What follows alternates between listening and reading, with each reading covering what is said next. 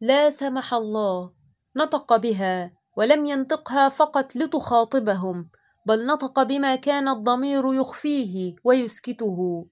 نطقها لتفضح الخذلان لتكشف حجم كارثتنا من أنفسنا التي ما كنا نعيها أو كنا نعرف بها ونسمع. ولكن لا نستشعر ما ستعنيه كارثتنا. لم نستشعر حتى عنته واقعا أمامنا حيث الأخ يئن ويصرخ ويستنجد ولكن الجسد لا يتداعى مكبلا مقيدا بقيد هو من ألبسه لنفسه.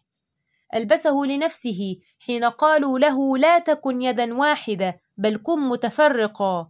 فقال أو نتخلى عن تعصب وهم خطوط تفرقة رسمتموها ونكون جسدا وقلبا واحدا مجتمعين بحبل الله؟ لا سمح الله. ألبس نفسه قيد ضعفه حين قالوا له كن واهنا لتكون لنا تابعا. قال أو أقوم بنفسي وأكون بقوامي وعلمي وعملي وأعمل لأكون قويا عزيزا راقيا في مقامي فلا أكون هزيلا تابعا ذليلا.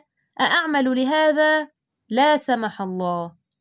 ألبس نفسه قيد الإنهزامية يوم قالوا له كن مطموس الكيان والهوية فانزع عن نفسك كل كبرياء وكرامة ومبادئ تجعلك الند وصاحب الشأن ليؤيدهم. وهل للمبادئ التي جعلني الله بها كريما وسيدا أن تقارن ببدلة وحلة ولسان الوسيم والراقي؟ المنافق الساعي ليذلني وينهيني.